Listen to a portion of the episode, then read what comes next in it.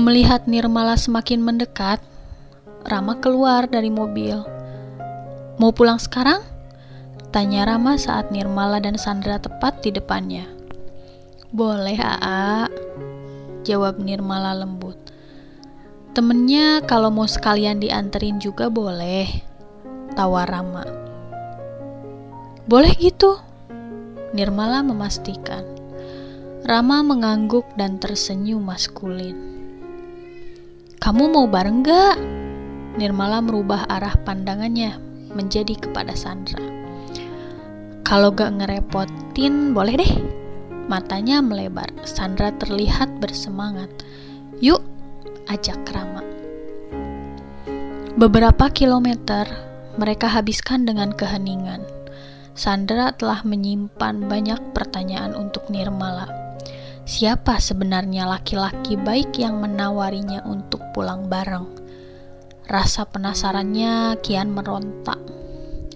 Akhirnya, Sandra mengirim chat kepada Nirmala, walaupun sebenarnya mereka hanya terpisah jarak puluhan sentimeter saja. Dia siapa? Pacar. Pesan pertama dari Sandra. Nirmala yang mendapati getaran dari ponsel segera membuka notifikasi yang masuk. Setelah tuntas membaca notifikasi yang masuk, Nirmala menoleh ke arah Sandra. Ia dapati Sandra tengah memperlihatkan barisan giginya yang rapi. Nirmala membalas senyum, seraya menggeleng-gelengkan kepala. Dia tetanggaku, bukan pacar. Balas Nirmala singkat. Calon pacar mungkin. Serius tetangga. Kok tiap ke rumah kamu aku gak pernah lihat? Dia kerja di Bandung, weekend aja liburnya. Sekarang lagi ambil cuti. Nirmala yang tengah mesem, mesem, ternyata sudah diketahui oleh Rama. Sesekali Rama memang menoleh ke arah Nirmala duduk. Kok senyum-senyum? Dapat WA dari pacarnya ya? Sindir Rama tanpa menoleh ke arah Nirmala. Nirmala terhenyak. Ia kira Rama tak memperhatikannya. Bukan, A. Ini temen lagi iseng. Jawab Nirmala. Nirmala belum punya pacar, A. Sudah beberapa laki-laki yang mau sama dia, tapi ditolak terus. Sandra menimbrung. Serius? Rama cukup terkesiap. Kenapa ditolak? Tanya Rama karena mereka gak berani menghadap ke bapak sama mama A cuma pengen buang-buang waktu dengan pacaran Nirmala menjawab dengan sangat lancar oh jadi kalau ada yang suka sama kamu harus langsung datang ke bapak sama mama ya Rama bisa menangkap maksud dari kalimat Nirmala Nirmala hanya mengangguk Sedangkan batin Rama sedang berbisik, berbicara antara sisi kanan dan kirinya. Sisi kanan meminta Rama untuk segera mengutarakan perasaannya melalui mama bapaknya Nirmala.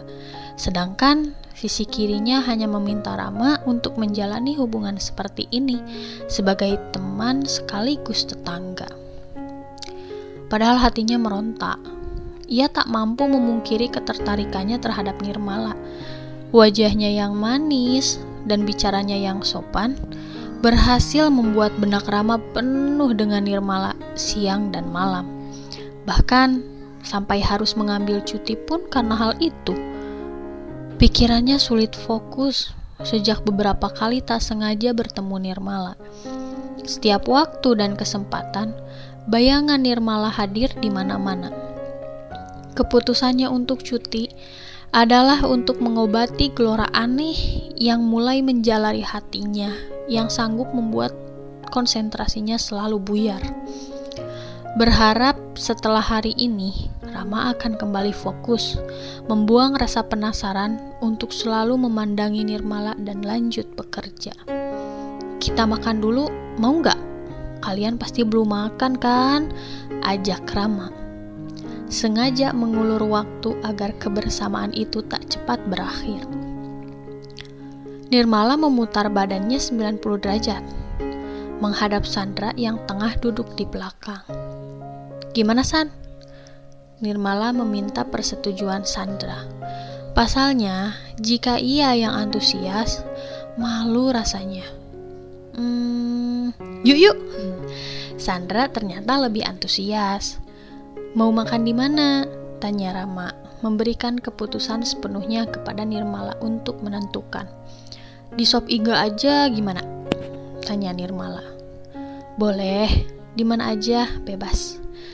Kamu San? Tanya Nirmala kepada Sandra. Aku mah ngikut wae lah, jawab Sandra yang sedang duduk santai di kursi seat kedua. Nugraha Rama melirik sekilas ke arah Sandra, kemudian tersenyum lebar. Selesai mengantarkan Sandra, Rama langsung melaju ke arah jalan pulang. Ia paham betul bagaimana capeknya Nirmala setelah bekerja dan membiarkan Nirmala untuk mengambil banyak waktu beristirahat. Malam hari nanti, Rama berniat untuk berbicara serius dengan orang tua Nirmala waktu cutinya harus membuahkan hasil. Terima kasih A untuk hari ini, kata Nirmala sebelum turun dari mobil. Rama tersenyum ramah. Sama-sama, jangan sungkan untuk minta bantuan ya. Selamat beristirahat. A juga, jangan sungkan kalau butuh apa-apa. Assalamualaikum. Nirmala menatap Rama sejenak sebelum turun dari mobil. Eh, Neng! Rama memanggil cepat Nirmala yang baru saja hendak keluar. Ya, A? Nanti malam Bapak ada di rumah nggak? Tanya Rama, diiringi oleh tatapan mata yang tak biasanya. Nirmala bergeming, tatapannya mengarah ke arah lain, menghindari binar mata Rama. Nirmala ingat langsung dengan ucapan Ningsih tentang ibunya Rama yang mengatakan jika anak tunggalnya mengagumi Nirmala. Neng, tadi siang mama ngobrol sama Bu Retno tentang anak tunggalnya yang katanya suka sama kamu. Ucap Ningsih kala mereka berdua sedang memasak di dapur. Bu Retno tetangga baru itu, Bu? Tanya Nirmala memastikan. Ningsih mengangguk. Anaknya suka sama aku, Nirmala menunjuk ke diri sendiri. Iya. Sejak kapan? Sejak pinjem cangkul bapak, kamu yang ambilkan. Nirmala terhenyak. Kok bisa? Batinnya. Kok bisa gitu mah? Seingatku waktu itu aku ketemu anaknya Bu Retno pas belum mandi deh. Kok bisa-bisanya suka? Aneh. Ingatan Nirmala dipaksa untuk memutar memori beberapa bulan ke belakang. Belum mandi, celoteh Ningsih. Raut tawa mulai terbit di wajahnya. Beberapa detik kemudian mereka tertawa ringan. Iya, aku lagi nyuci. Gak ada yang jawab salamnya dia dari luar. Ya sudah, aku keluar. Eh, katanya pinjem cangkul. Aku ambil ke dalam, terus aku kasih. Udah gitu doang, gak ada ngobrol. Bisa suka ya? Nirmala melanjutkan tertawanya. Itu berarti cinta pada pandangan pertama. Kelakar Ningsih. Mama, bisa aja. Nirmala merangkul tubuh Ningsih. Neng, suara Rama membaik membuyarkan lamunan Nirmala. Eh, i, i, iya, A. Tadi gimana? Maaf, aku jadi ngelamun. Imbuh Nirmala cukup terbata-bata. Nanti malam Bapak ada di rumah gak? Rama mengulang pertanyaannya lagi. Bapak insya Allah ada, kalau malam selalu di rumah, kecuali waktu sholat ke masjid sebentar, jelas Nirmala rinci. Titip pesan ke Bapak, nanti aku main ke sana Ba'da Isya. Oh, i, i iya, nanti aku sampein. Aku pamit ya. Sekali lagi, terima kasih. Nirmala langsung keluar dari mobil tanpa menunggu mobil Rama jalan lebih dulu. Ia berjalan tergesa. Perasaannya sedang dikuasai gugup yang kentara. Kalimat Rama sukses membuat hati Nirmala nano-nano. Campur aduk rasa sedang terjadi di sana. Senang, karena seorang pria mapan mau bertemu dengan bapaknya untuk apa lagi kalau bukan untuk mengutarakan maksud serius kepada anak gadisnya? Ragu, takut perasaan Nirmala yang berlebihan dalam menilai betapa sadar diri, siapa dia, apa pekerjaannya. Terlalu banyak perbedaan jauh antara dia dan Rama. Takut karena Nirmala belum mempersiapkan dirinya sama sekali jika memang Rama ingin serius dengannya. Pesimis Rasanya tidak mungkin jika Rama ingin serius dengannya. Kagum dan suka tak selalu cinta kan? Bisa saja Rama hanya mengaguminya saja tanpa ada niat untuk menjalin hubungan yang lebih serius. Senandika terus saja memenuhi ruang hati Nirmala. Biarkan waktu berputar seadanya, takkan sedikit pun ia sisakan ruang hatinya untuk berharap pada manusia. Biarkan semua mengalir tanpa dibumbui harapan berlebih. Malam hari, Ba'da Isya Nirmala sedang asik di kamarnya. Bermain di dunia maya adalah salah satu cara untuknya melepas penat. Semua kewajiban kepada sang kholik sudah ditunaikannya, hanya menunggu kantuk datang tanpa ada lagi pekerjaan yang lain. Neng, panggil Ningsih di, balik pintu. Nirmala simpan ponselnya. Ia bangkit menghampiri pintu kamar. Iya mah? Rama beneran datang ke rumah.